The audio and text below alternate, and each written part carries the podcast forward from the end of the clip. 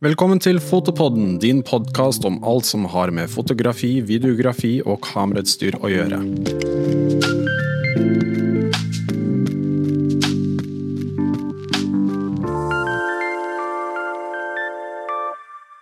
Isidor, velkommen tilbake. Takk skal du ha. Du har vært hos oss en gang før, og nå sendte du melding og hadde noe du lyst til å snakke om. Ja, nå, nå er det sånn at du, har jo ikke bedt meg komme.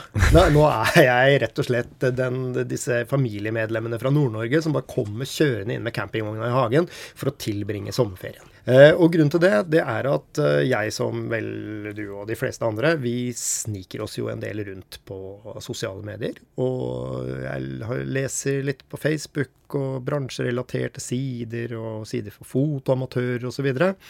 Og, og da føler jeg rett og slett eh, litt behov for å gå inn og komme med litt grann informasjon.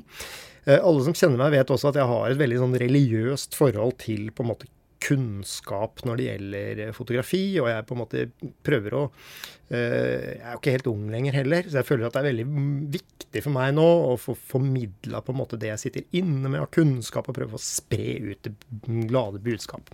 Det, det, det setter vi veldig, veldig, veldig pris på, alle sammen. Så det, det som jeg har lyst til, og det som jeg har pressa meg på da, for å snakke om, det er rett og slett dette som har med rett og slett selve den biten du holder i å gjøre. Altså kamera og optikk. ja. og hvordan du på en måte kan få en maksimal kvalitet ut ifra det utstyret som du har.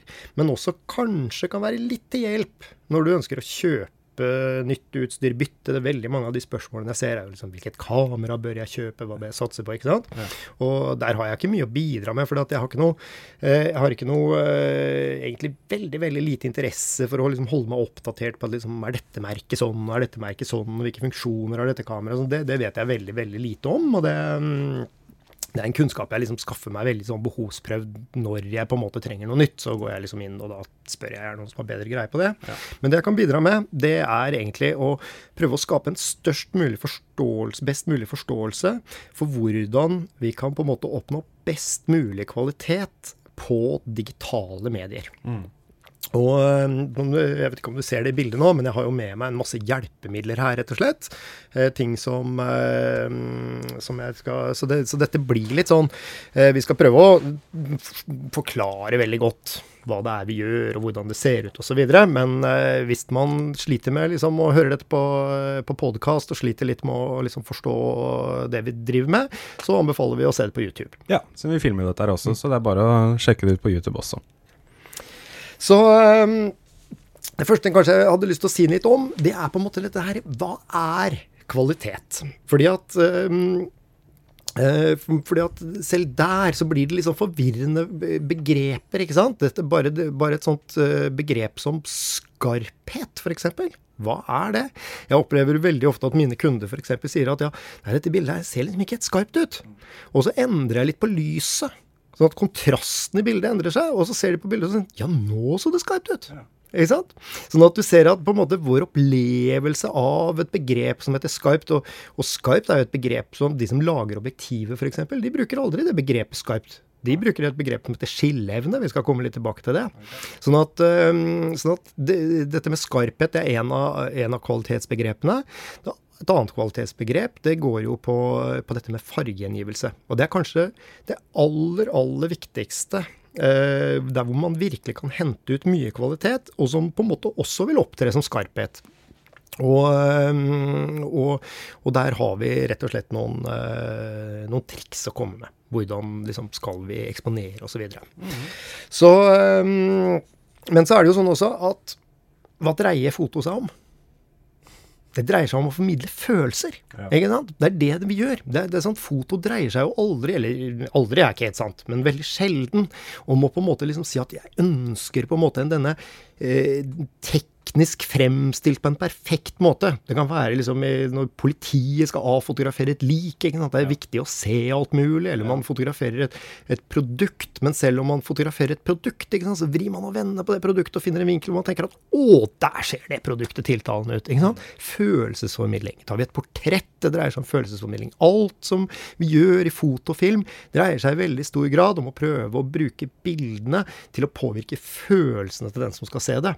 Sånn at det å snakke om kvalitet uten å snakke om følelser inni her, det er veldig, veldig eh, vanskelig. Og det skal vi gjøre. Vi skal snakke om følelser. Vi er jo menn, og da vil det si at det vi er flinkest til Det er snakk om følelser. Helt riktig. Ja, jeg er klar.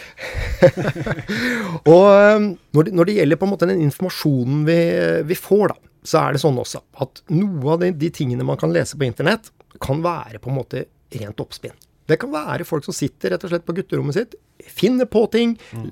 som de tror er riktig. Altså, det er jo ikke noe ondskap. i dette. Det er ingen som ønsker å på en måte spre disse informasjonen, Men de ønsker å eh, Men de, de, er liksom, de, de, tror de har en kunnskap eller et, vet et eller annet, og så formidler man det på internett, og så blir det liksom en sannhet for at ingen på en måte går dette etter i sømmene. Ja. Altså I gamle dager så var det jo på en måte Da hadde man jo en gammel, skjeggete fotograf sånn som meg, som skrev en fagbok. Og han måtte jo forholde seg da til et panel av fagfolk fra alle deler av landet som skulle kvalitetssikre det han skrev. Og så visste man at ok, den informasjonen der, det er ikke så mye feil i den. Nei. Men i dag så finner vi veldig stor grad informasjonen vår på nettet, Ja. og det, der kan det være veldig mye rart. Absolutt. Og ikke minst så er det sånn at eh, produsentene de opererer veldig ofte med noe som, de kaller for, som vi kaller for vaskeballhistorier. Har du hørt om det noen gang? Nei, det har du aldri hørt om.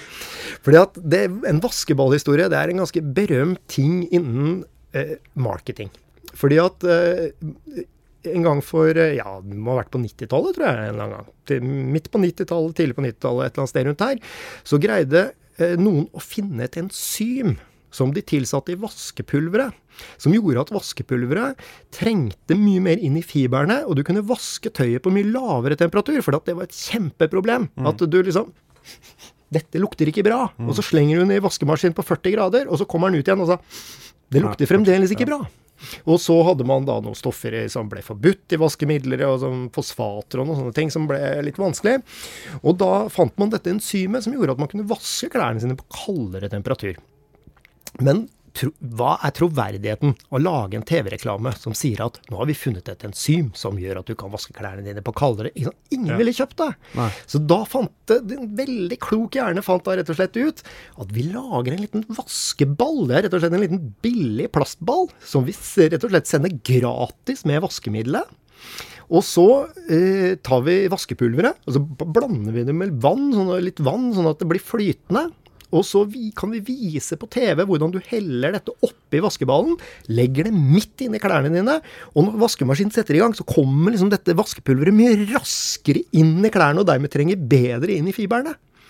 Og når folk da prøvde dette her, så fant de ut at ja, men det blir jo rent på 40 grader. Ja. Sånn at historien var sann, men allikevel en løgn. Ja. Og sånn opererer også ofte kameraprodusentene for å prøve å forklare noe som er veldig vanskelig, eller som er lite troverdig å forklare. Blant annet så har jeg et eksempel fra Canon eh, fra tidlig 2000-tall, hvor Canon hadde laga en eh, Hvor de rett og slett fortalte at de hadde gjort det sånn med disse kameraene at når når du eksponerte på litt lang eksponeringstid, eller hvor du da på en måte fikk støy Man fikk veldig mye støy på lange eksponeringstider den gangen. Da tok rett og slett kamera Den tok et ekstra bilde uten å åpne lukkeren. Men i samme temperatur og med samme forhold, samme tid osv., så, videre, så ville det støyet komme helt likt plassert, og så kunne de bruke det til å retusjere vekk det støyet. Det var jo bare løgn, selvfølgelig. Eh, fordi at det de hadde gjort, var jo bare rett og slett å lage en liten bit med software som rett og slett fant at liksom Her ligger det et irrgrønt punkt. Midt inni bare veldig mørke punkter. Vi satser på at det er støy. Bort med det. Ja. Men det vil si at hvis du fotograferte ute i mørket og hadde en liksom, glassplate liggende og reflektere bitte små lys, eller altså vanndråper på den som med veldig sånn sterke små reflekser, ja, det ble jo like mye vekk som det andre. Ja. Ja, og dette testa jeg til og med, og det ble jo boff, så var det vekk. Borte. Ja, og dermed så kan du si at ja da, hvordan kunne han ta vekk det, det er basert på at de kom når han eh, tok et bilde uten å åpne lukkeren, ikke sant? Det er jo selvfølgelig bare bløff, men det er for å forstå, så det er ikke noe ondsinna med det. Det er bare noe med liksom, og sånne historier florerer en del på. Um, men eh, for å gå liksom inn her nå, så skal vi, skal vi og begynne å se på ting, så skal vi gå litt tilbake også til, um, til analogtiden. Ja. På analoge materialer så utvikla man et system som vi kjenner som ISO. Når jeg starta som fotograf, så hadde vi to systemer. Da hadde vi DIN, og så hadde vi ASA, som var altså Deutsche Industry Standard, og American eh, Standard eh, Association. Og så ble man enige om å slå dette sammen, og rett og slett bruke den amerikanske standarden som en internasjonal standard. Det var ikke så rart, egentlig, for den, den, giganten innen fotoindustrien den gangen, det var jo Kodak. Kodak var enormt store. Ja. Var, Kodak var på mange måter den gangen det Apple er i dag. Sånn at øh, Og den ISO-standarden, den la man da inn i den geniale fotografimatematikken som man har. Vi har jo på en måte bare, bare, tenk, Thomas. Det, tilbake på hvordan altså, nå skal vi, Og nå skal vi liksom tidlig på 1800-tallet, eller midt på 1800-tallet. Så sitter man der, og så har man fått en helt ny teknologi. Plutselig kan man ta bilder. Man kan få det til å sitte fast på et medie. Ja. Og så tenker man at hvordan i all verden skal vi liksom kunne få fortelle folk hvor lenge de skal eksponere, ja. og hvor, i forhold til hvor mye lys som kommer igjennom. Og så sitter sitter noen kloke hoder og rett og slett finner ut at ja, vi lager et system som er basert på blendere. Det vil si at når vi, når vi på en måte har en 50 mm brennvidde, for det kunne man jo måle med hvor er brennpunktet på dette objektivet, det kan jo hvem som helst gjøre, bare sette på et lys og se i veggen og måle hvor langt unna er brennpunktet. Jo, det er 50 mm er en 50 mm, ikke sant? Ja. Så enkelt er det jo. Og, og, så sier man at ok, men hvis vi nå sier at vi har, lager en blender hvor blender 1 som man ikke kunne lage den gangen, men som teoretisk er der, ja. er nettopp 50 mm. Og så sier vi at for hver blender så, så minker vi flateinnholdet med det dobbelte. Det vil si at vi slipper igjennom bare halvparten så mye lys. Ja. Og på to blendere da, så vil jo det si at diameteren halveres, men, øh, men da er flateinnholdet bare en fjerdedel. Ikke sant? Da lagde man et system som gjør at én blender er lik dobbelt så mye lys, eller bare halvparten så mye lys. Og dette er jo superenkelt for oss, for når vi skal eksponere oss til eksponeringstiden, så vet vi jo liksom at ja, et femtendels sekund til et hundredels sekund, det er jo én blender. Ja. Når vi skal stille lampene, så stiller den fra halv styrke til hel styrke. ikke sant? En hel blender. Det er jo helt genialt! Og tenk deg hva de har gjort for hverdagen vår. ikke sant? Jeg har brukt den matematikken hver dag i 37 år. Og tenk om jeg måtte sitte med en kalkulator eller tabeller. ikke, ikke sant? Ja, takknemligheten min fra disse kloke hodene på 1800-tallet, den, den er beyond. Ja. ja. Det er helt fantastisk, rett og slett. Men eh, på analogfilmen da, så fant man ut at man måtte også lage et system for å angi eh, angi på en måte eh, rett og slett hvor lysfølsomt materialet var. Ja. Og da, da, Det er da vi snakker om ISO. Ja. ikke sant? Da har vi på en måte en, en eh, Og ISO-en er jo også lagt opp sånn at 200 ISO, ja, det er én blender i forskjell fra 100 ISO. 50 ISO det er på en måte én blender mindre lys enn på 100 ISO osv. Kjempefin tabell.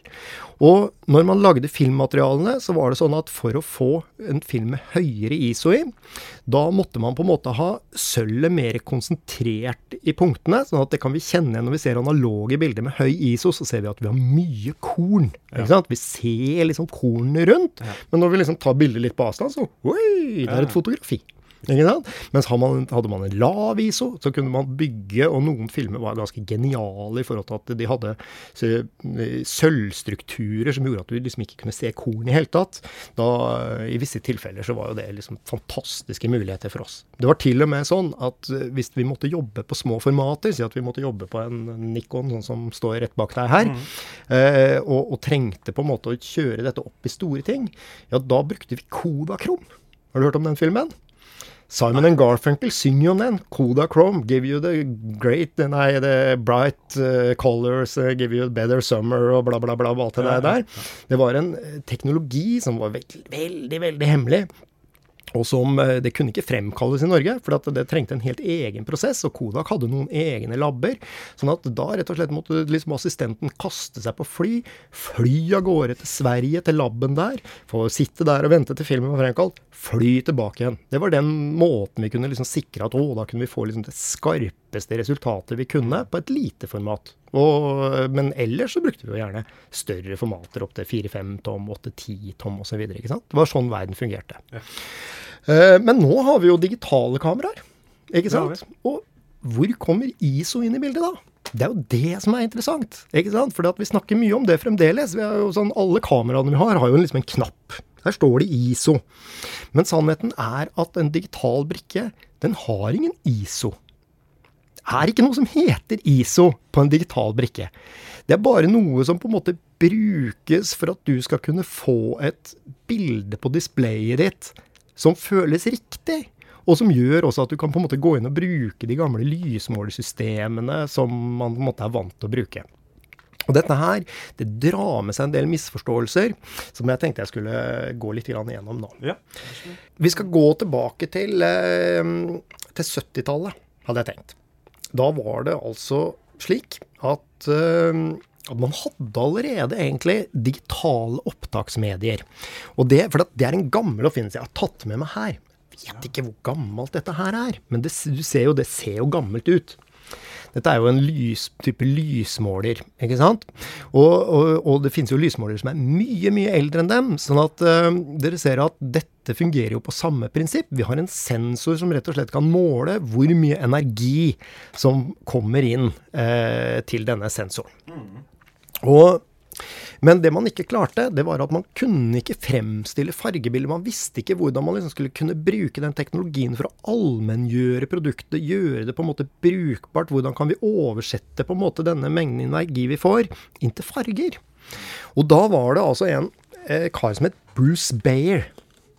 Han jobba hos Kodak i eh, tech-avdelingen der, og den mannen har vi mye å takke for. For det er han som egentlig ga oss digitalfoto. RGB. Ja, det han gjorde, det var at han lagde noe, et, rett og slett et rutemønster av, filmer, av filter, eh, som ligger over sånn at én sensor av ett filter. Rød sensor, rødt filter. Grønn eh, sensor har grønt filter, og blått sensor har blått filter. Og et blått filter, eller et rødt filter, det vil jo da slippe gjennom rødt lys, og så vil det absorbere alt grønt og blått lys. Og så eh, jobba han selvfølgelig hardt med på en måte mønsteret av hvordan det, få det til å fungere. Grønne filter har f.eks. Det er flere av de grønne sensorene enn det er av de røde og blå sensorene osv., osv., men det trenger ikke vi å liksom egentlig tenke så veldig hardt på. Men det vil si at, eh, at da kunne man få inn et måleresultat på hvor mye grønt lys som er der, hvor mye blått lys som er der, hvor mye rødt lys som er der. Og ut fra det så måtte man sette seg ned med matematikken, og så måtte man finne ut at hvordan kan vi liksom få omsatt det i et system som gjør at vi kan få det opp på en datamaskin. Og, det, og den prosessen, den kalles debaying. Debaying. Debaying. Og det er jo oppkalt etter Bruce Bayer. Bruce Bayer. Ja, på samme måte som Bayer-filteret, som er oppkalt etter Bruce Bayer, som er Ja. det filter eh, som man legger over digitale sensorer en dag i dag. Så vi snakker Ja. om en berømt mann som Ja. ikke så mange kjenner navnet til, men Bayer, altså. Bruce Bayer. Bayer. Brikkene de fungerer sånn at Nå har jeg med meg effekter her. Vi setter et par opp Ja. Vi har et uh, rødt glass, et blått glass et grønt glass. RGB. Sant? Sånn fungerer i utgangspunktet en sensor. Og grunnen til at jeg liker å sammenligne dette med et glass, det er at det er akkurat slik det fungerer. Jeg skal nå sette en vekt under. Jeg kan ikke sette den sånn at kamera ser vekten, men vi ser jo vekten, så vi forteller når det skjer noe her. Ja, På det røde glasset. det er. Og så tar jeg rett og slett og tilfører litt grann vann her. Så ser vi hva står det på nå. Står fortsatt null. Ja, det står fortsatt null. Jeg pøser på, jeg. Fortsatt null. Fortsatt null. Litt og litt mer vann. Ja, ja, men. Fortsatt null. Ja, fortsatt null. Men vi har god tid, ikke sant? Ja, ja. Ja. Hele dagen, ja. Ok, jeg putter Den! Der kom det én, Yes. to. Ja, altså kom det plutselig to. Ja. Ålreit. Men det vil si at akkurat sånn her fungerer det på en måte også i virkeligheten. Vi må ha akkurat så mye energi at vi kan få et målbart resultat ut. Ikke sant? Ikke sant? Uten et målbart resultat, så har vi ikke noe resultat. Det vil si sort. Ja. Og så har vi det motsatte fallet. Neste eksempel. Det er rett og slett når jeg heller på sånn som dette her, og, så, og nå er dette glasset fullt. Det er vi Helt enige om. fullt. Helt fullt. Ok. Men jeg kjører på litt til, jeg. Litt, litt til. Og hva skjer da? Rant det over. Det renner over. Og Ja. det vil si at nå har vi klipt. Det heter å klippe. Ja. Klipping. Det vil si at dette glasset kan ikke motta eller mer informasjon. Altså sensoren kan ikke motta mer informasjon. Og da er det bare hvitt. Da er det hvitt. Ja. Eh, De aller fleste kjenner igjen på en måte den følelsen av klipping. Dvs. Si at vi har overeksponert bildet så mye at det på en måte går i hvitt. Eh, Jeg har et veldig veldig godt eh, eksempel på det, og det er jo på en måte når du fotograferer noen mot en grå himmel, liksom en gråværsdag. Ja. Ganske lite lys i ansiktet, men vi tenker at men det er ikke så mye lys på himmelen heller. Ja. Men når vi ser bildet, så ser vi at oi, det er det. Ja. Og så får man liksom, ser det ut som det er klippet ut med saks. Dypetsa, 80-talls dypetsa. Eller hvis du filmer inne med et vindu i framen også, Exactly. da vil jo det også være veldig overeksponert. Eller hvis du filmer ute på snø. Yes! Da vil jo også snøen være helt hvit. Vi kjenner godt til Ja, dette ja, fenomenet. det vi godt til. Vi vet at når vi klipper, ja, da blir det ikke fint. Det vi kan klippe derimot, det er hvis du har på en måte veldig små punkter. Si at vi er ute i Frognerparken og fotograferer på en liksom tidlig en lørdagsmorgen, når morgendugget liksom ligger på alle bladene på trærne, så får man ett lite overeksponert klipt punkt i hvert eneste av de små vanndråpene. Det ser bare fint ut. Ja. Ikke sant? Det er en fin form for klipping. Da syns vi ikke på en måte at det ser fælt ut. Det er når vi får store felter som klippes, det er da det ikke ser bra ut. Ja. Mm. Men så tilbake til hva er da ISO på en digital brikke? For at en digital brikke den har ikke noen ISO. Det er ingen knapp som kan liksom fortelle den sensoren at, at ja, nå ble du til en større kopp. Nå ble du til en mindre kopp. Den faktoren er gitt. Fordi når du kjøper filmruller Ja. eh, på analogkamera, Ja. så står ISOM på filmrullen, Ja. og ikke på kamera. Ja. Så det er liksom Da, da vet man jo Ja, at da produserte man jo filmen etter den og den ISO-en. Ikke sant? Og jeg skal fortelle deg hva vi gjorde i gamle dager, for det er sikkert mange som syns det er, er gøy å vite litt om gamle dager. og det er at når vi når vi skulle når, Vi ringte ut til Kodak for å bestille film, eller til Fuji, eller til Agfa for den saks skyld. Og så, eh, og så holdt vi oss til ett emulsjonsnummer. Fordi at for hver produksjon, når man satte i gang en filmproduksjon, så lagde man et emulsjonsnummer som den filmen fikk. Og så, eh, men når det var tomt, så måtte vi få en ny emulsjonsnummer. Og det første vi gjorde da, det var at vi testa den filmen. Fremkalte og, og så på den osv. opp mot lysmålinger og opp imot den gamle filmen. Og da fant vi kanskje ut at den filmen som det sto 100 ISO på, den var bare 88. Rundt der et eller annet sted. Ja. Og da visste vi det. Bare merka vi de filmboksene og sa at det er 88 ISO. Ja. Eh, eller 95, eller ikke sant. Så visste vi det. Og, det, og mm, i og med at filmene varierte litt i fargestikk og sånn fra, fra um, emulsjonsnummer til emulsjonsnummer, så var vi veldig nøye på å liksom få de emulsjonsnumrene så lenge som mulig. Og hvis vi skulle gjøre en stor jobb en katalog eller noe som skulle se likt ut, så måtte vi vite at vi da hadde film på lager som var nok til den jobben. Hvis ikke så måtte vi begynne på et nytt emulsjonsnummer. Og da gjorde vi nye tester. Ja. Men på digitalkamera det er jo så lett. Ja. ikke sant? Det, det er et gråkort, og så vet du at ja, men dette ser helt likt ut. Bruker du samme kamera gjennom en katalog, og så, så har du på en måte ikke noe problem. ikke sant? Ja, og den digitale verden har jo på en måte Den har fjerna så mange av de på en måte liksom tingene som vi brukte ekstremt mye tid på i gamle dager for å få til å bli bra. Eh, ikke sant? Det er bare liksom fjerna med trylleslag, og så kan du liksom bare sitte der liksom si at hm, jeg lurer på om jeg skal filtrere dette bildet litt blåere. Så sitter du med et spak i Photoshop og gjør dette her. Det er jo bare helt fantastisk, Ja, ja, ja, egentlig. absolutt. Takk til Bruce Bayer. Bruce Bayer. Men en digital brikke, da må jeg bare hente en plakat under her. Ja, ja. De har det som vi kaller for en dynamisk range. Og hvis vi ser her nå, så ser vi at her nede så har vi en grå rute som er nesten svart. Det er én, Ja. står det en på. Den kaller vi sektor 1. Sektor 1. Og så, når vi kommer til to, så representerer det altså dobbelt så mye lys. Det er én blender. Det er sånn vi på en måte regner dynamisk range. For å på en måte liksom illustrere dette her, hvor mye er liksom én blender mer lys, da. Så kan vi si at det er dobbelt så mye lys. Eh, alle har vel kanskje hørt, eller de fleste har hørt den der historien om eh, hvem det nå var som liksom eh, satt der med sjakkbrettet, og så skulle man, eh, skulle man liksom si at ja, hva skal du ha i betaling? Nei, jeg vil bare ha ett riskorn. Ja, og den ja. første sjakkfeltet, ikke sant? Ja, ja, Og så vil jeg ha to riskorn i neste, og så fire Fire, deretter, og så vil jeg ha åtte, og så videre, ikke sant? Det er det eneste jeg vil ha. Ja. Og kongen, han hadde jo ikke nok ris når man kom liksom på slutten av dette sjakkbrettet. Ja, ja. Og det blir jo det samme her òg. At når vi på en måte er i i én her, hvis vi liksom gir den et tall én Når vi kommer i to, så er det to. Og når vi kommer i tre, så er det fire. Når vi kommer i fire, så er det åtte. 16, 32, 64 osv. Ja. Da skjønner man på en måte liksom proporsjonene på, på hvor my ekstremt mye en blender er. Da. Og det vil si også at den, den siste sektoren, den representerer 50% av det toneomfanget vi har i Totalt. totalt i Ja. alle disse sektorene. Og, og, og det er på en måte, dette er den eneste ISO-en vi har. Så det i utgangspunktet ISO-en gjør, det skal jeg nå vise med denne vekta, Ja. det er at hvis du nå er på et mørkt og lugubert sted, som du sannsynligvis helst ikke burde være, og så har du fryktelig lite lys, og det er jo sånn, hva gjør man da? Når man har fryktelig lite lys, man har ikke noe budsjett å komme inn med lamper og belyse, det, det, det som, du må jo bare gjøre det beste ut av den situasjonen du har. Ikke sant? Da tar du ISO-en din, og så setter du den på et eller annet sånn astronomisk tall. Mm. Da kommer det på en måte én dråpe oppi her. Ja. Sånn. Og så kan vi si at ok, men dette bildet her nå, det er altfor mørkt. Det ligger liksom langt nede her i sektor 1, sektor 2 et eller annet sted, og vi skal ha det helt opp til sektor 9. Sektor 9. Jo, da har man bare et regnestykke. Man rett og slett bare ganger opp Ganger det antallet dråper til å på en måte bli kanskje så mye, da. Ja. Det er det det skal være. Ja. Og så gjør man det likt i de andre to. Ikke sant? Ikke sant?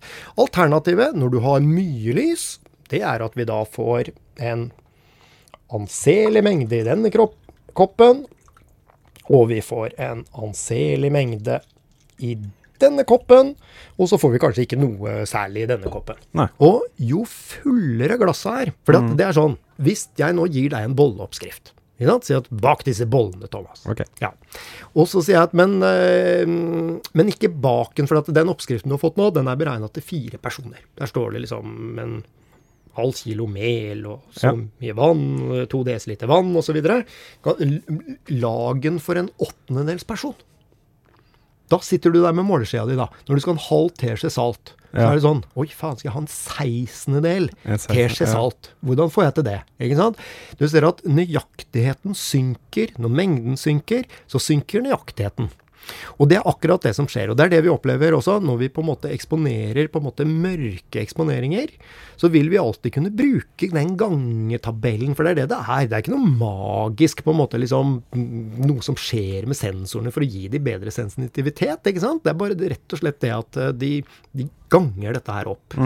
Eh, Så, så ser vi da at da får vi en mye dårligere nøyaktighet mellom de tre fargene. Ja. Når det bare er en liten dråpe her, en dråpe i den grønne og en dråpe i den røde. Så, og når vi ganger det opp, så blir på en måte forskjellen mellom de tre blir mye vanskeligere. Og den slår gjerne ut da i at man får på en måte et fargestikk i den andre, ene eller andre retningen som man Ikke ikke ønska. Ja. Og det er typisk det vi ser når vi tar veldig mørke bilder, og spesielt kanskje på hudtoner. Ja. ikke sant? At blir hudtonene pene i det mørke omgivelsene vi fotograferte på 1000 ISO? Nei, de blir jo ikke det. Mm. Det er ikke støyen som er det verste, ikke sant? det er fargene. Så det vil si at jo lysere vi eksponerer dette bildet, jo mer fargenøyaktighet får vi igjen. Jo fullere de koppene kan være uten at vi klipper, altså uten at det renner over, det er det vi skal gjøre. Ja. Og da, eh, og da kan man alltids på en måte bruke ISOen, eller rett og slett exposure i råfilkonverteren, til å på en måte trekke dette ned, hvis man liksom ønsker at bildet skal være mørkere igjen. Mm. Ikke sant? Men da får man på en måte den best mulige fargeangivelsen. Hente ut mest kvalitet. Ja. Den første eksponeringen her, den har jeg eksponert altså sånn som jeg beskrev nå. Egentlig så lys eh, jeg kan uten å klippe. Den kan vi si da at det er riktig eksponert. Ja. Ja. Mens denne her, den har jeg eksponert bare et par blender mørkere. Og så har jeg rett og slett bare brukt ISOen til å få flytten den opp. Ja. Kan du beskrive forskjellen mellom de to uh, bildene? Han er litt rødere rundt øynene. Jeg ser at gulfargene er forsvunnet litt. Og han ser litt trøttere ut. Han ser Han ser litt trøttere ut. Ja, du ser på en måte at liksom, ok, det, det røde som ligger liksom akkurat i øynene her og sånn, det Mm. kunne vi jo ganske enkelt fiksa. Men alle de røde flekkene vi får innimellom På skinne, liksom, ja. på, på kjaken Ja, hans her, det er jo supervanskelig å jobbe Mm. med. Vi har jo litt av det her også, men du ser at det føles mye mindre på det riktig eksponerte bildet.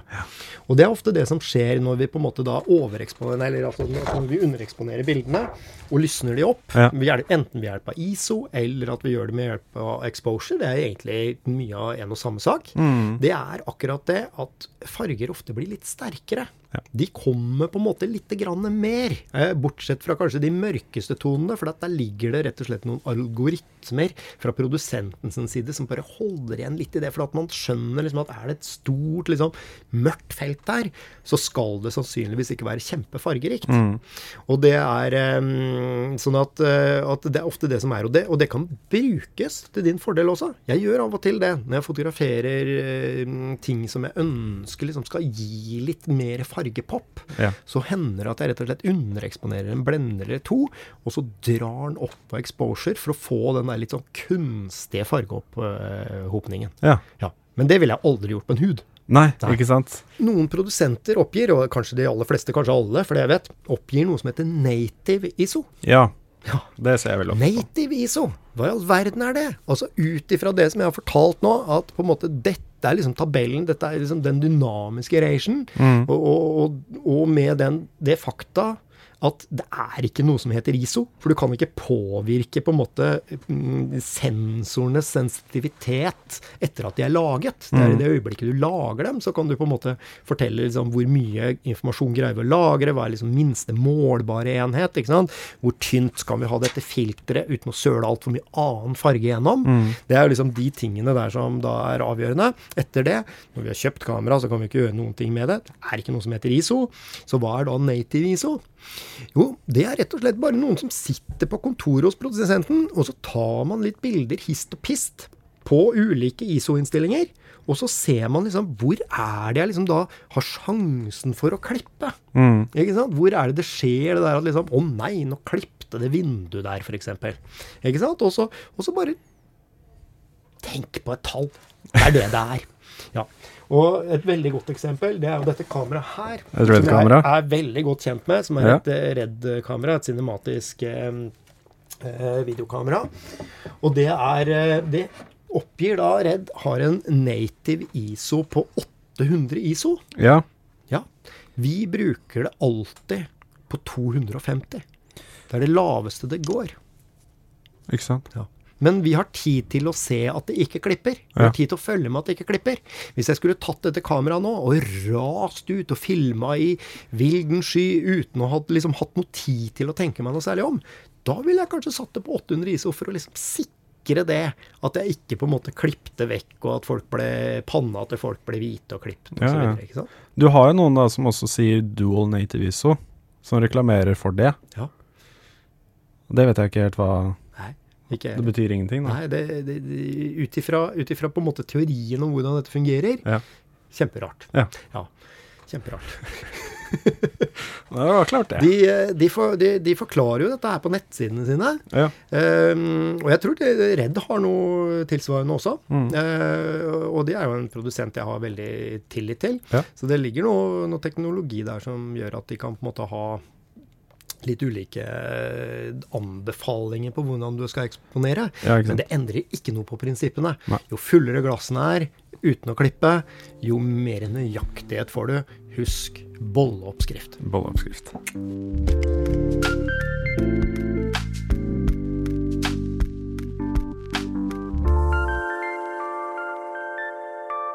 Men jeg tenkte vi kunne, kunne snakke litt grann om eh, dette her med, med sn- brikkestørrelser også. Hvor mange megapiksler vi har. Ja. For at jeg hører at det er en litt sånn misforståelse rundt dette med, med på en måte mm, hvilken, hvilken størrelse liksom bør jeg ha på brikka mi. For at det er jo ikke noen, det ikke noen eksakt vitenskap, dette her. Det er ikke sånn at du bør ha størst mulig, eller du bør ha minst mulig, eller du bør ta akkurat der, osv.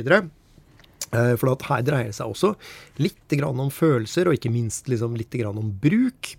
Men, eh, men vi kan si at eh, uansett hva du skal gjøre, så bør du ha en viss mengde oversampling.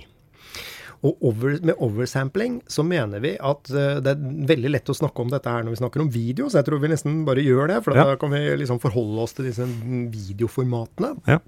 Det vil si at hvis du skal publisere eller vise en film på TV i ekte HD, som er da eh, 1920 ganger 1080 piksler, da sier vi at eh, hvis du har et kamera som filmer i HD, så får du ingen oversampling. Da er det liksom ett punkt som kameraet ditt tar opp, ett punkt på TV-en. Og, eh, og det vil si at da får du også en ganske lav fargenøyaktighet. Ja. Fordi at da er det på en måte én cluster med eh, i utgangspunktet da fire eh, sensorer, to grønne og en rød og en blå, som skal på en måte definere den fargen som den pikselen får. Men hvis du filmer dette i 4K for å vise det på TV i 1080, da får du en oversampling som gjør at du på en måte har en gruppe med røde og blå og grønne piksler som til sammen har fått litt uvillige verdier, og så regnes det ut et gjennomsnitt av de, og da vil det sannsynligvis være en mye mer nøyaktig farge. Ja. Og dette gjelder også for foto. Så det vil si at jo, egentlig, jo større oversampling du har, jo mer nøyaktig fargegjengivelse vil du i teorien få. Men det som noen opplever, det er at når man, eh, når man har veldig store brikker, og jeg opplever det sjøl, når man har brikker med veldig, veldig høy oppløsning, så er det litt vanskeligere å få bildene skarpe. Særlig på frihånd. Ikke sant? Og det leste jeg akkurat på internett, at noen ga liksom et råd til en annen. Det var at liksom dette kameraet med høy oppløsning, hvis du skal på en måte jobbe mye på stativ og holde det i ro osv., mens dette kameraet med lavere oppløsning, hvis du skal jobbe mer i frihånd. Og det, det gir mening. Ja. Nå er det jo ikke sånn at lukkertidene endrer seg, og at det egentlig blir mer uskarpt på en stor brikke, men du opplever det lettere.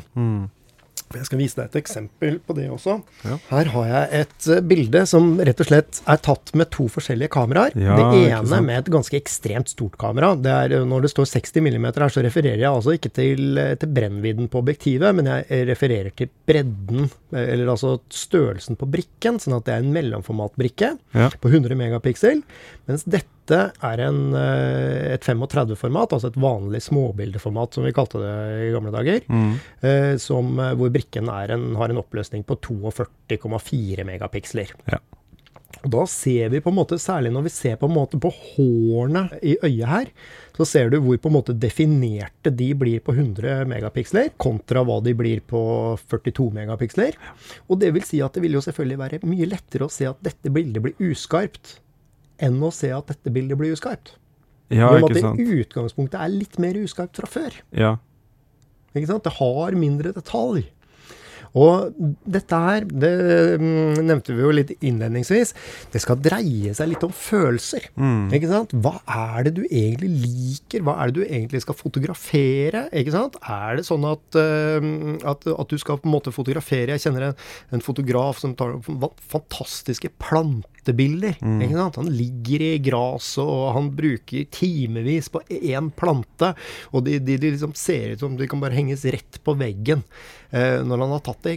Han må jo ha dette her som er sylskarpt. Skjønner du? Det skal jo ikke, og ingenting må riste. Han bruker jo selvfølgelig et, eh, et speilløst kamera. For da får null rystning. ikke sant? Alt Ja. står helt i ro. Eh, da er du etter skarpheten. Men jobber du med portrett livsstil, ting som er på en måte liksom hvor du liksom Det skal føles mykere. Da er du kanskje ikke så ute etter den skarpheten. Ikke sant? Da kanskje passer det bedre med, med en mindre brikke igjen. Ikke sant? Sånn at det er en, så det er en sak man liksom må prøve å, å kjenne på, liksom føle. Hva er det som liksom passer for meg? Hva er det jeg liksom syns er fint? Og jeg har en litt morsom historie, for jeg har, jeg har egentlig aldri vært liksom knytta til noen produsent opp gjennom tiden, og det har egentlig passa meg veldig fint. Ja. Men eh, fordi at jeg, da, da har jeg liksom stått fritt. Og, men jeg har hatt bitte det har vært litt grann til sengs med Kodak på begynnelsen av, mm, av 2000-tallet. Hvor jeg holdt en del kurs for, eh, for bruken av, av Canon eh, kombinert med Capture One. Og da fikk jeg et spørsmål en gang angående optikk. Eh, og, og det var liksom hva, hva er, Hvilket objektiv er liksom det skarpeste? Og da sa jeg at nei, hvis du vil ha liksom sylskarpe objektiver Jeg hadde jo dette kanskje hørt bedre til mens vi snakka om objektiver, men jeg syns likevel at det passer fint nå. Eh, så syns jeg at du skal eh, Så syns jeg at du bør på en måte bruke et Nikon-objektiv på konverter. Ja. Ja. Og trynet på Canon-representanten, det skulle du sett, Thomas. Det var altså et syn for øyet. Jeg ser Det jeg se for for meg. meg. Tor Stubberud, han ser på meg med et blikk. Og jeg tror kanskje han våkner skrikende om natta ennå av dette her. Og det var jo liksom helt på slutten slutten av kursdagen. Så det var liksom, folk var liksom på vei ut, sånn at de fikk ikke liksom tatt den lange forklaringen. Ja. Men, sjøl brukte jeg jo Canon-optikk. Fordi at jeg ikke ville ha den skarpe, skarpe skarpe optikken. Jeg hadde ikke noe, det var ikke det jeg brukte den til. Nei. Jeg brukte den på en måte til portretter og livsstil, hvor jeg liksom satte pris på den mye mykere kontrasten som de objektivene ga. Ja. Men vi skal komme mer tilbake til dette når vi skal snakke om eh, objektiver. Ja. Men, eh, men eh, det dreier seg i hvert fall om følelser. Hva er det som liksom passer for deg? Ikke sant. Mm. Ja. Nei, Men, det vi, jeg, jeg, merker jo at man blir jo ofte reklamert for at fullformatkameraer alltid er bedre. Mm. Men vi eh, prøver jo å anbefale folk til å liksom gå inn i hva de skal bruke kamera til, Mm. og at det ikke alltid er eh, fullformat som er det det må gå til. Så nei, det er helt, helt riktig det. Bra å få det bekrefta også at ja, som du sier, det handler om Mm. følelser. Ja. Og jeg snakka jo, jo også litt grann innledningsvis om, om dette her med, med hvordan kontrast og, og farger og alle disse tingene her også på en måte gir en følelse av skarphet. Lyset ditt, Mm. ikke sant. Hvordan, fungerer, hvordan er det, ikke sant. Og, og, og igjen da så går det på liksom hva er liksom historien jeg ønsker å fortelle. Hvis du ønsker å liksom framstille et eller annet romantisk, så setter du jo ikke på liksom en det 3000 watts uh, arbeidslampe rett i trynet på dem. Ikke sant? Da vil du ha badet i mykt og deilig lys, og ingenting skal egentlig være så skarpt. ikke sant? Da får vi en følelse av romantikk. Mens eh, ønsker vi liksom å, å fremstille tysk industrihistorie, ikke sant? da skal de bildene Da skal du skjære deg på dem. Mm. Nå, I overgangen fra analog til digitalt, så, så slet jeg, og mange med meg, med at disse bildene blir ikke skarpe. Dette er håpløst. Vi var veldig vant til at vi hadde en teoretisk dybdeskarphetskurve. Dybdeskarphetskurven den innebærer rett og slett Jeg tegner den i lufta. Ja. Eh, den innebærer rett og slett at, eh, at eh, på en gitt blenderåpning så har du da en gitt avstand av motivet som vil være skarp. Og fra hyperfokus, altså det er det punktet du fokuserer på, så er det en tredjedel mot kamera, en tredjedel bak kamera som er skarpt. Og dette var noe vi forholdt oss til veldig, og, og særlig motiver skulle være gjennomskarpe og sånn, så, så målte vi med linjal hvor lang, mye trenger vi, og vi trenger dette, og så så vi på tabellen, og så så vi at ja, men da trenger vi blende 16 for å få liksom dette motivet skarpt. Hvis du prøver den samme øvelsen i dag, så vil du oppleve at du har ett punkt som er dritskarpt, og så ser du at hele det litt sånn dybdeskarphetsområdet som skulle vært skarpt, Ja. det er jo også liksom skarpt-ish, Ish, ja. men det er ikke skarpt skarpt. Det er den at du fokuserer på nesa ikke øyet, og så er det, helt- det er litt det er helt krise, vet du. Og i gamle dager så kom vi liksom unna med at liksom den fokusen satt på neserota. Husk at vi fokuserte jo manuelt, ikke sant, stort sett. Og, den, og det at den liksom, ja, vi fokuserte på neserota og hadde en dybdeskarphet som gjorde at liksom den siste, den tredjedelen der liksom tok med øyet. All good, ikke sant? Mens med en gang vi fikk digitalkamera, så funka ikke dette her. Og jeg lurte veldig ja, lurte, lurte veldig på det når, i den perioden vi drev og holdt på med det. der. Jeg måtte jo bare innfinne meg med at fokus må sitte 100 og ingen bilder bør være lagt opp til at store områder skal fremstå like skarpe. Men så fikk jeg en forklaring på det da jeg var i København og snakka med mm, han som på en måte var en av gründerne i eh, det som etterpå har blitt Phase One, og som tok over det som nå er Hasselbladfabrikken. Og han fortalte at i kamerasystemet så legger produsentene alltid inn en skarphetsalgoritme som gjør at man skarper opp bildet bitte lite grann, Mm. Uh, uten at du kan skru det av.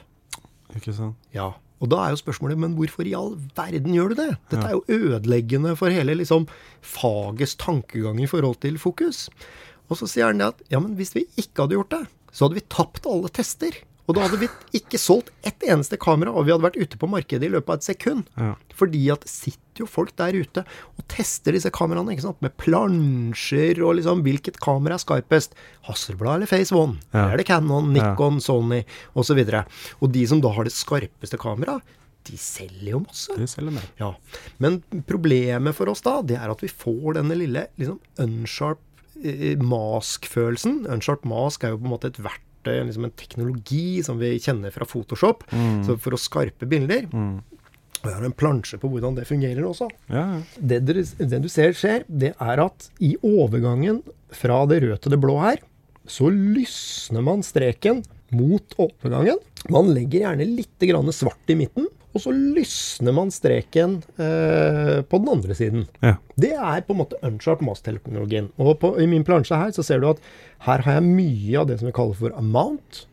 Og så har jeg høy radius. Mens på denne så har jeg høy amount, men lav radius. Radius, noe- Radiusen den avgjør liksom hvor mye på en måte skal vi gå ut. Mm. Og eh, amounten den avgjør mengden på hvor lys, lys skal den streken bli. Ja. Og dette her, det har skapt trender. Mm. Har du sett 'Ringenes herre'? ja. Ja, alle Mange, har jo det. mange ganger. Mange ganger. Altfor mange ganger. Ja, den, den, 'Ringenes herre' skapte på mange måter en helt ny stil som ble ekstremt trendy i bortimot ti år. Ja. Rett og slett ved at man på en måte brukte på en måte unsharp mask, lite radius, mye amount, ga på en måte den der litt sånn veldig skarpe følelsen i bildene, Ja. uten at man liksom fikk altfor mye av disse strekene utenfor. Ikke sant? Og, og det er fremdeles så ser jeg at noen, eh, noen bruker på en måte denne måten for å liksom få bildene sine til å, eh, til å få liksom et visst preg, da. Du Så- ser det når det er blitt brukt litt for mye. Så legger du veldig fort merke til det. Veldig fort det er et eller annet som ikke funker. Nei, og du vet jo åssen det er med trender. Ja. De, de, de, så- altså, når, når det er en utrend igjen, Ja. da er det jo så ut. Det er Ja. grusomt. Altså Ikea-katalogen som er ti år gammel, altså, det, det er jo sånn, du ville jo ikke hatt det sånn hjemme. ikke sant? Men for ti år siden, wow, da ville du jo bare ha det sånn hjemme. Du har sett House of Cards. Mm. Alle syns den er så fantastisk fin liksom i koloritten. Men sannheten er at han er nesten ikke greida i det hele tatt. Ja. Alt man har gjort, det er egentlig bare å liksom holde litt tilbake på fargeintensitet, men det gjør man stort sett i settdesign. Ja. Det vil si at man ikke liksom Vi kjører ikke inn masse farger i settet her. Mm. Og så har man kjørt den der lille liksom ekstra lille skarpheten i det, som gjør at alt ser litt skarpere ut. Og du ser hvordan det kler den serien. Her Mm. Ja. snakker vi om makt, og vi snakker om dresser som ikke har et støvkorn på seg, ikke sant? Hvor du ser liksom stoffet i slipset til, eh, til presidenten liksom stå Mm. fram i TV-skjermen. Forteller den riktige historien. Ja. Eh,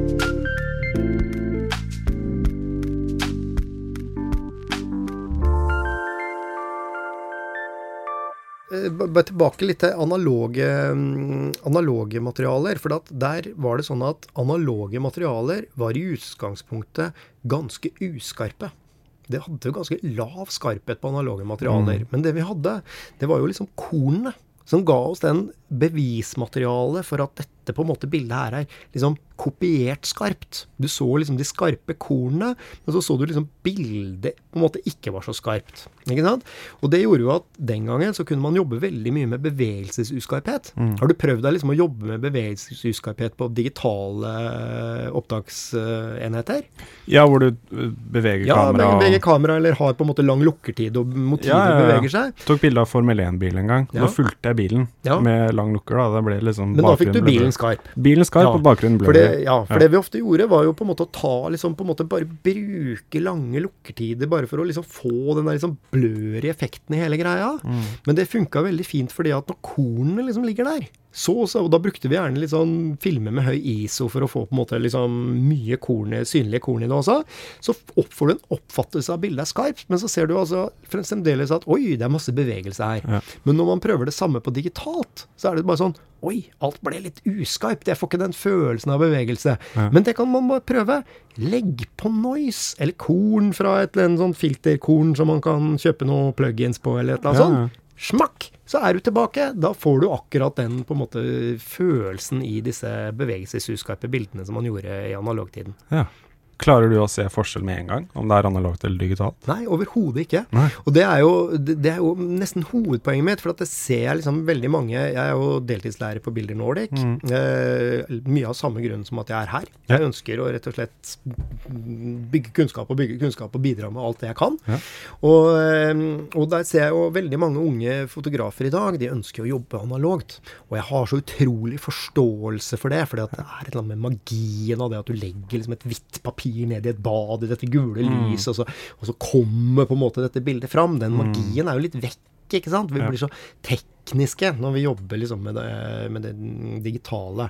Men, eh, men det jeg alltid sier til det, de, det er at den looken du greier å få i et analogt bilde, den skal du også greie å få i et digitalt bilde. Ja. Og jeg kjenner jo fotografer kunstfotografer som på en måte har jobba fra analogtiden og skulle gå videre inn i digitaltiden, og fått det til å se så likt ut at når du har en utstilling med å blande de bildene analog og digitalt, så er det ingen som ser forskjell. Nei, Helt umulig. De legger på korn fra den samme filmtypen som det de har brukte da. ikke sant? Mm. Så er det sånn Dette er 3X. Og når du legger liksom det 3X-kornet på det digitale, og får den samme kontrastomfanget, samme på en måte harde liksom sort-hvitten i det, så er det bare sånn Det ser helt likt ut. Ja. Og det er jo det fotoet er. Det er på en måte det er jo på en måte bildet, det er formidlingen. ikke sant? Jo, teknikken er jo helt uinteressant. Jeg blir aldri imponert når noen sier 'Å, jeg har gjort dette bildet analogt'. Og det er bare sånn Ja, har du det? det så flott. Det er ikke det jeg er interessert i. Jeg er interessert i hva forteller dette bildet meg. følelsene, ja.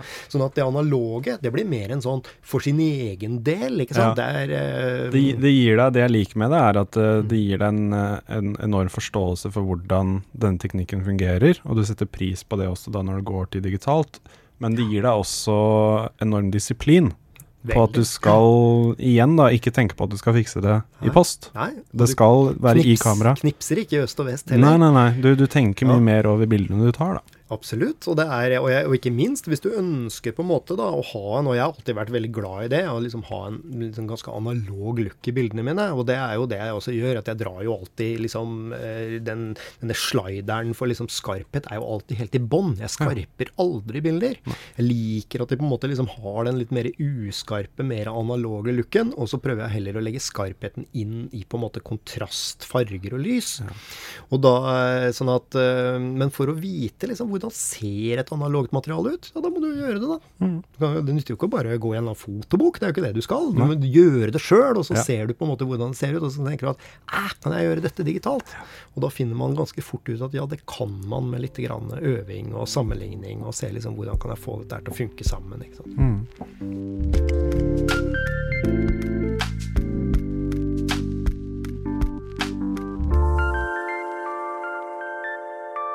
Hvis vi sier nå at, vi, at du er objektivkonstruktør Ja.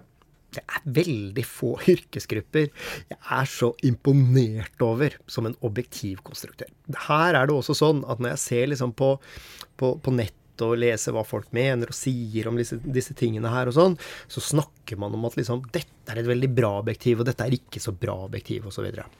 Det er litt eh, egentlig som å det, det, er utrolig vanskelig å si. Fordi at når man konstruerer et objektiv Nå skulle man jo liksom tro at liksom et, all den dataprosesser, all den tilgangen vi har på på dette her, så kunne man liksom bare si at kan vi ikke bare liksom sette i gang datamaskin til å liksom lage det optimale objektivet? Men det som er, er at det dreier seg om en del valg å ta. Og fra gammelt av så snakka vi om at et objektiv eh, skal måles på en måte i tre kvaliteter. Det ene, eh, det er det som heter skilleevne. Det vil si at streken mellom det hvite arket her og den svarte duken her, hvor på en måte, hvordan, hvor godt skiller glasset mellom de to. Hvor mye av det hvite søler over i det svarte, for noe søler over i det svarte. Vi skal være såpass realistiske og liksom si at det er ikke noe objektiv som liksom kan ta et litt sånn overeksponert ark ved siden av en svart en, og så får vi ikke noe liksom hvitt lys ut i det svarte. Det, da, da, skal du, da skal du punge ut, altså. eh, sånn at, eh, sånn at um, Sånn at ingen objektiver er egentlig liksom helt perfekte. Men den skilleevnen den kan vi se veldig godt hvis vi kjøper et sånt ordentlig billig objektiv. Det er sånn vi går og sånn Vi fikk dette Jeg kjøper dette kameraet, og så sier selgerne at ja, men det er fint, du skal få med denne liksom eh, 19 til 360 millimeteren i tillegg av meg gratis, og så løfter du på den, og så kjenner du at oi, den veide jo ingenting heller, det er jo kjempepraktisk. ja. Ikke sant? Da ser man veldig godt det med skilleevnen, at det er liksom det, det er uskarpt der. Det ser ikke bra ut, ikke sant. Skilleevnen, det er én ting. Den andre tingen som de eh, jobber med, det var jo kon, eh, altså kontrasten i objektivet.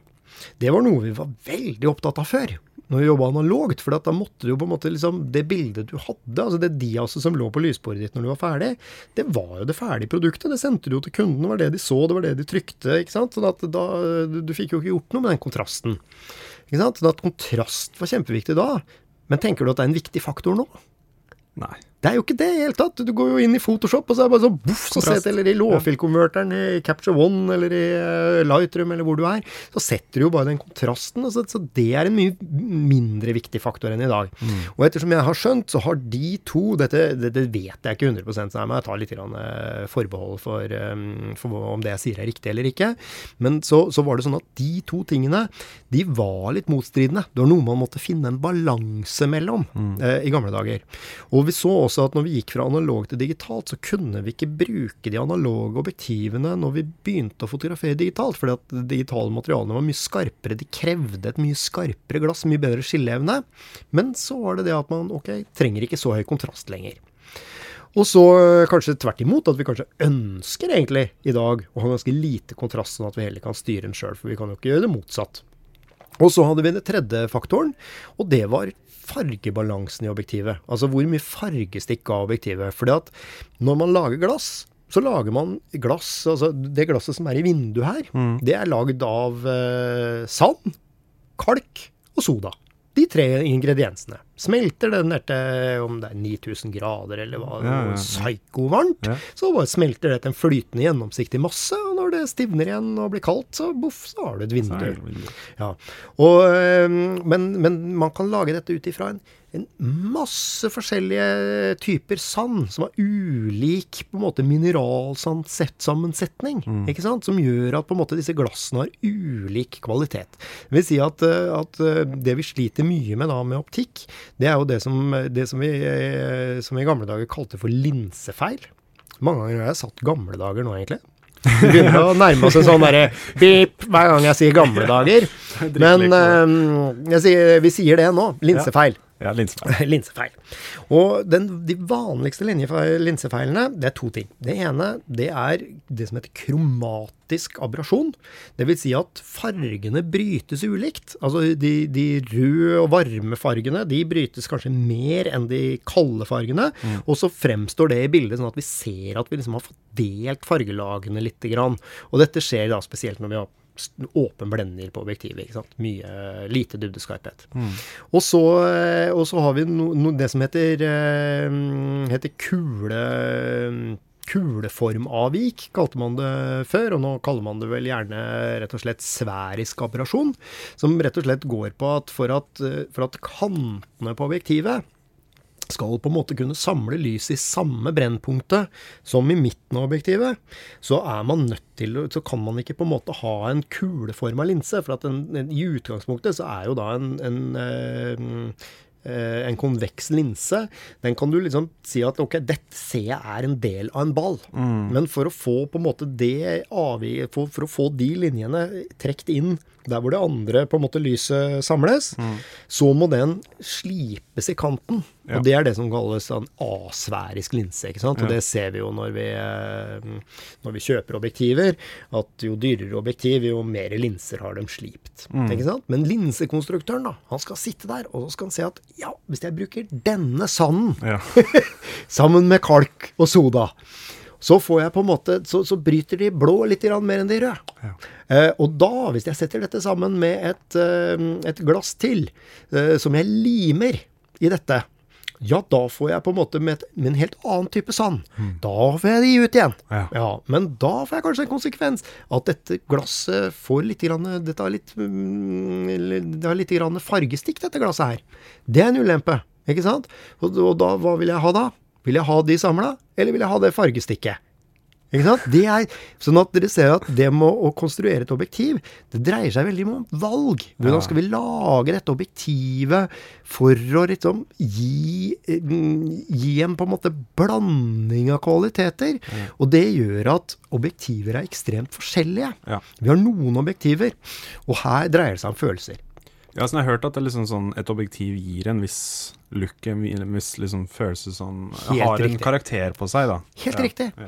Og der er vi tilbake til det som vi snakka litt om i stad. At hvis vi skal på en måte liksom jobbe med noe som er en ren sånn teknisk framstilling av noe, så ønsker vi kanskje bare å ha liksom et objektiv som er liksom skarpest mulig, og på en måte liksom kan vise oss detaljene best mulig. Sånne type ting. Dyre objektiver. ikke sant? Man får noen objektiver opp i, opp i godt over million kroner. Ikke sant? Ikke noe problem. Ja.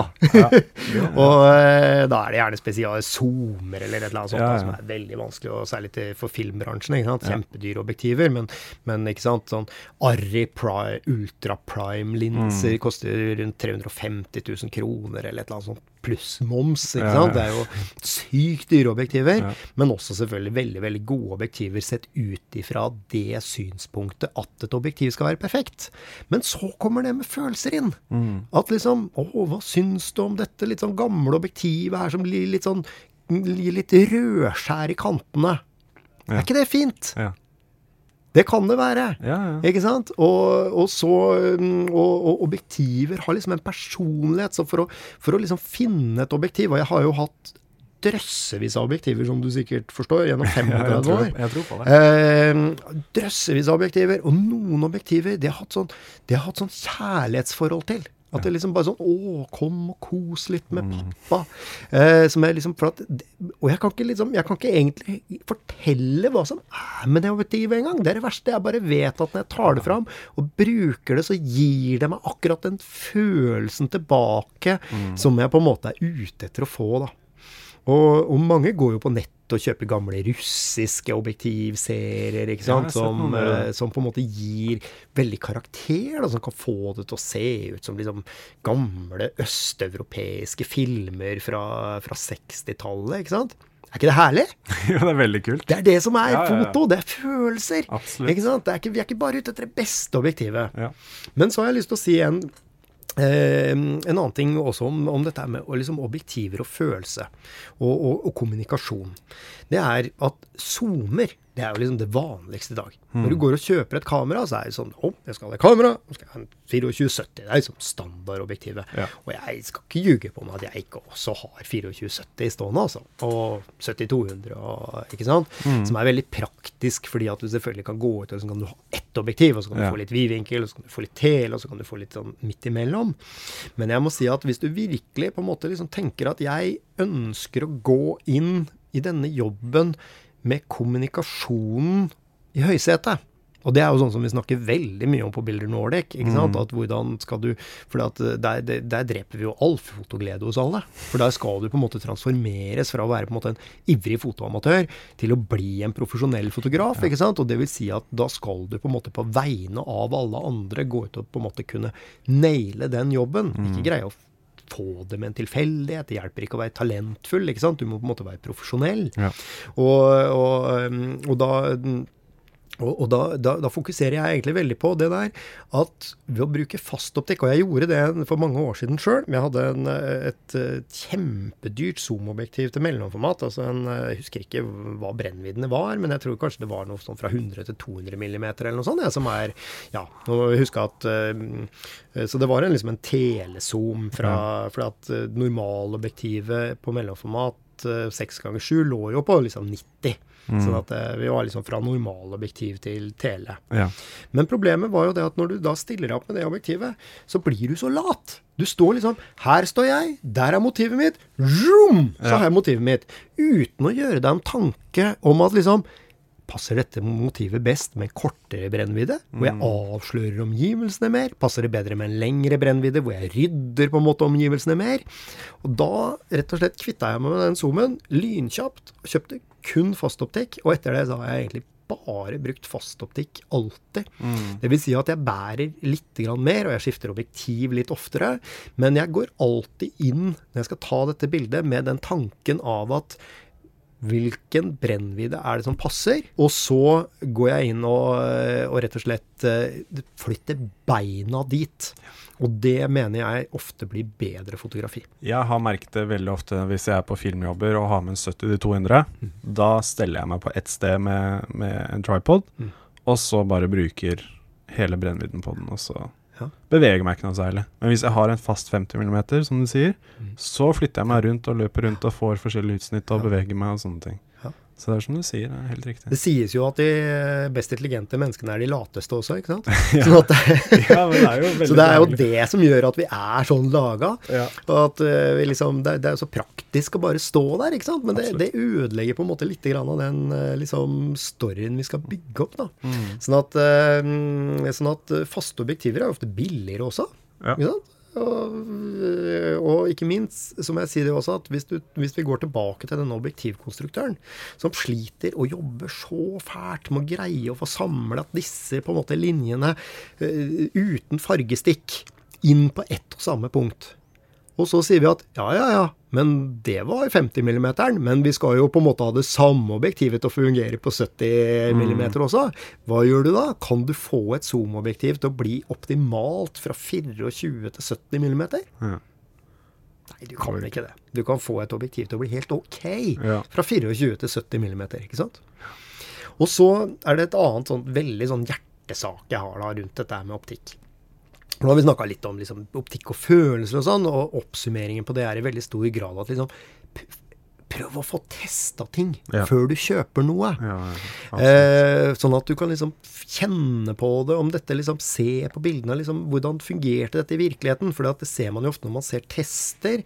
Det er jo på en måte det at eh, du, du, du liksom Noen tester, de er sånn plansjetester. Jeg har fotografert denne liksom firkantmønsteret og disse mønstrete svarte linjene på den hvite bakgrunnen, og hvilket objektiv er skarpest og sånne ting. ikke sant? Sier jo ingenting.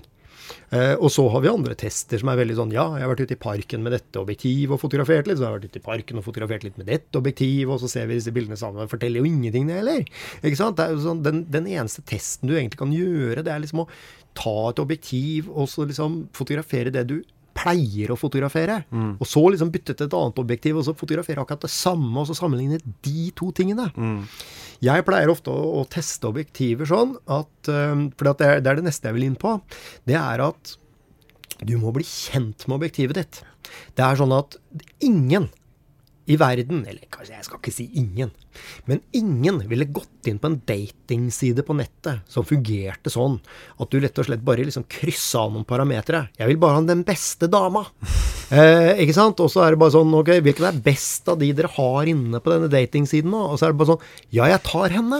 Du vil jo selvfølgelig, du, du vil jo bli kjent med den du skal leve sammen med først. Ja. Ikke sant? Og det er kanskje nesten enda viktigere med objektiver enn det er med partnere, vil jeg si. Fordi at eh, de eh, de har gjerne noen sweet points. Det er noen steder hvor de fungerer optimalt, og så er det andre steder hvor de ikke fungerer i det hele tatt. Og jeg kan si det at eh, på åpne blendere, f.eks., det er jo der på en måte ting begynner å skurre med et objektiv. Hvis du kjøper et objektiv som har blender 1.2, så har du på en måte ingenting å tjene på å kjøpe det dyre objektivet med 1.2 hvis det ikke kan brukes på 1.2. Ja. Skjønner du? Og jeg må si det at, og dette gjelder altså Flesteparten av de objektivene jeg har, kan ikke brukes på sin lysstyrke. Nei. Jeg kan aldri liksom åpne blenderen helt. Jeg har kanskje to eller tre objektiver hvor jeg kan det, men da er det liksom klok produsent. Han kunne egentlig gitt meg blender 2, men han har stoppa det objektivet på 2,8. Og, men jeg ser da at hvis jeg tar kortet til 3,5, Mm. eller bare til 3 for den saks skyld, så blir det litt bedre. Det blir. Ikke sant? Jeg pleier å, å teste objektivene på følgende måte. Jeg Ja. setter opp et, eh, et veldig enkelt sett, men som består av veldig mange forskjellige elementer. Mm. Bamsen min han er alltid med. Han er veldig fin, for han har jo liksom sånn stikkete brun pels, og så har han på en måte blanke øyne. Og så har jeg gjerne noe eh, en sånn eh, sak med noen knappenåler stikkende i, som gir meg veldig de tynne, kontrastrike linjene. Eh, og så er det noen ting med mer farge i, noen ting med mindre farge i, litt stoff som glinser kanskje, og så sørger jeg for at det også på en måte er et rom bak, som blir sånn at jeg ser hvordan det ser ut, det som blir uskarpt. Ja. Og så setter jeg opp kamera på stativ, og så tester jeg objektivet rett og slett én blender av gangen. Eller en halv blender av gangen. Så at Ja. jeg begynner på åpen blender, blender jeg ned en halv blender, så tar jeg et nytt bilde, riktig eksponert, så jeg må hele tiden justere med, med lysstyrken eller med eh, med tiden, eksponeringstiden, avhengig av om jeg bruker blits eller ikke. Og så, og så blender jeg opp, og, eller blender ned og blender ned og blender ned, og jobber meg hele veien ned. Da ser jeg på en måte, når jeg ser på de bildene etterpå, så ser jeg veldig godt på en måte konsekvensen av når på en måte objektivet går fra som regel er åpen blender-crap, og så ser jeg på en måte akkurat hvor kvaliteten begynner å komme. Ja. Og så vet jeg at ok, det er den største blenderåpningen jeg kan bruke på det objektivet for å få den ordentlig gode kvaliteten. Og hvis jeg er i en situasjon hvor jeg er sånn Nei, vi har ikke mer lys, dette er kjempevanskelig, ikke sant? Hva gjør jeg da? Da må jeg velge, da. ISO-en med dårlige verdier i glassene mine, Ja. eller objektivfeilene som jeg får med åpen blender. Som regel velger jeg da åpen blender. Det gjør det. Ja, jeg gjør det. Ja. Og det er fordi at jeg syns det som Jeg, jeg, jeg, jeg er mer tillatelig til den abrasjonen. Jeg snakka med en eh, filmfotograf, han sa sånn Nei, jeg elsker jo kromatisk abrasjon, sier jeg. Jeg syns det er så fint. og da ser du. Det er hans kone. Ja, ikke sant? Ja, han finner fint. Og det er eh, sånn at um, altså, Men sånn blir jeg på en måte kjent med objektivene mine. Så vet jeg på en måte nå at ok, hvis jeg skal ta et portrett med dette objektivet, hvor er på en måte den derre punktet, hvilken blender er det best å ta det objektivet på? Det sies at alle objektiver har en maksimal kvalitet på det som ligger mellom blender 11 og blender 16, altså eh, 11 og to tredjedeler, som da Ja. det tallet som vil stå på kameraet ditt da vil være 14, Ja. det er liksom på en måte det optimale eh, åpningen. Ja. Fordi at når du blender ned fra det, da begynner denne fenomenet som heter er det diffraksjon det heter, tror jeg. Vi kaller, kaller det nøkkelhullseffekten. Det vil si at lyset kommer gjennom et lite hull, det på en måte Da bøyes lysstrålene utover. Noe som er litt rart, for at hvis du leser om lys, så kan ikke lys bøyes. Men samtidig så vet man at lys bøyes. Ja. Men, eh, men, eh, men i hvert fall, sånn oppstår det. Og da ser man at nei, men nå begynner hele motivet mitt å bli uskarpt igjen. Mm. Ikke sant? Der kan jeg ikke bruke det. Sånn at eh, som regel så gjelder de aller fleste objektiver, så må du stoppe én blender før du har blenda helt ned. Ja. Så hvis objektivet ditt kan tillate deg blender 22, så kan du bruke det til blender 16, men der er det bråstopp. Ja. Og så i gitte tilfeller, jeg må ha mer dybdeskarphet. Hva gjør du da?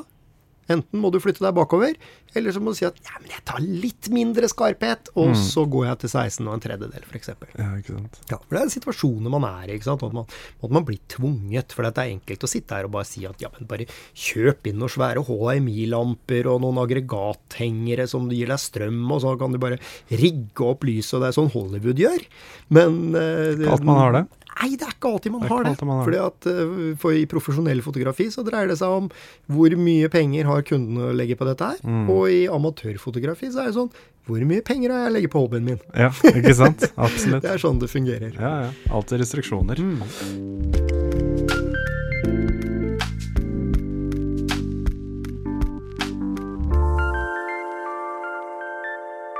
Hvis vi går litt tilbake til dette her med debayingen, det krever en matematiker.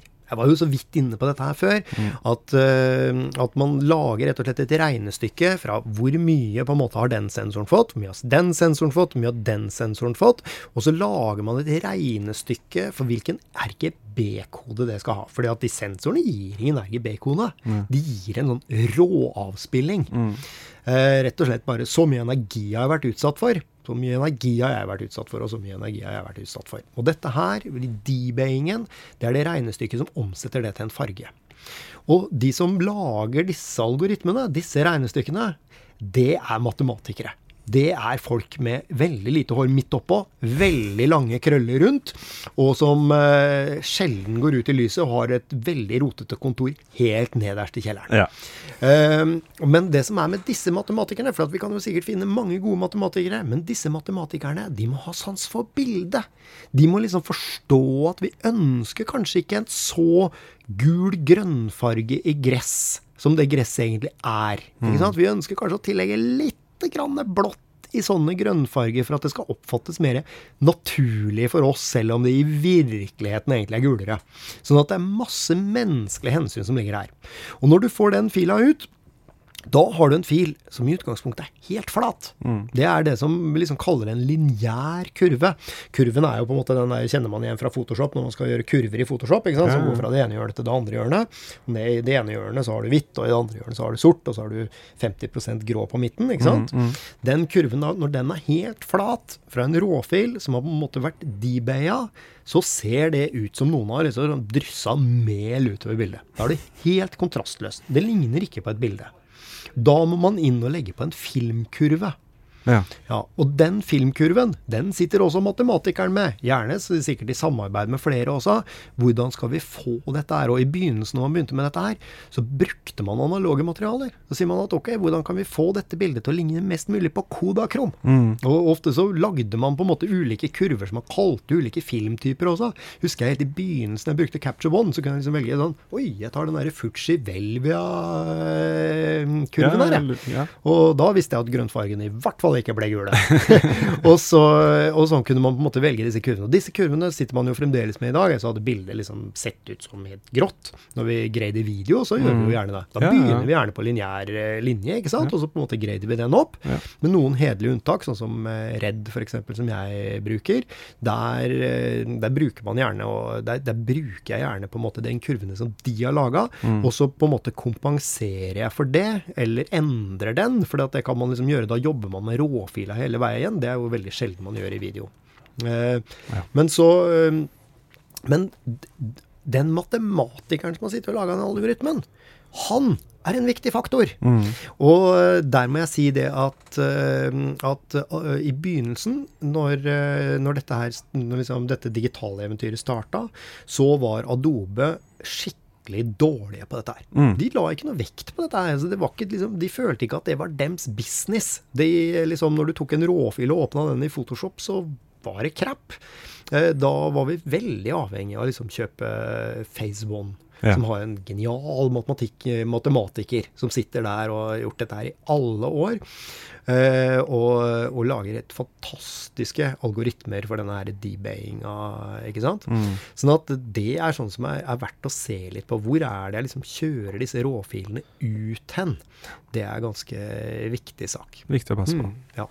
Og Phase One er, vil jeg si, Rolls-Royce, uansett hvor store Adobe er. Ja. Sånn at har man råd og mulighet til å bruke Phase One, bruk Phase One. Bruk det. Eh, eller Capture One heter det. sorry. Capture One, ja. Capture One. Og, eh, og, men, men det er et dyrt program. Det vil si at liksom har du ikke på en måte betalende kunder som gjør det verdt å bruke FaceMon, ikke bruk FaceMon. Er du av den typen som fotograferer én million bilder som alle skal på en måte inn i systemet og ut igjen ganske fort, Ja. ikke bruk FaceMon. Da fungerer det dårlig. Fungerer Men, det dårlig. men, men de algoritmene har ganske mye å si. Ja. Veldig bra. Uh, vi kunne jo Jeg kunne sitte og hørt på dette her i timevis, jeg. Jeg kunne snakka i Eh, timevis ja. Jeg sier bare takk for at du kom igjen. Og det er alltid veldig hyggelig å ha deg her. Og lærings... eh, Jeg håper folk har lært noe. Det er i hvert fall jeg. Så er det bare å skrive i kommentarfeltet hvis det er noe dere lurer på. Og så ses vi igjen i neste uke på en ny episode.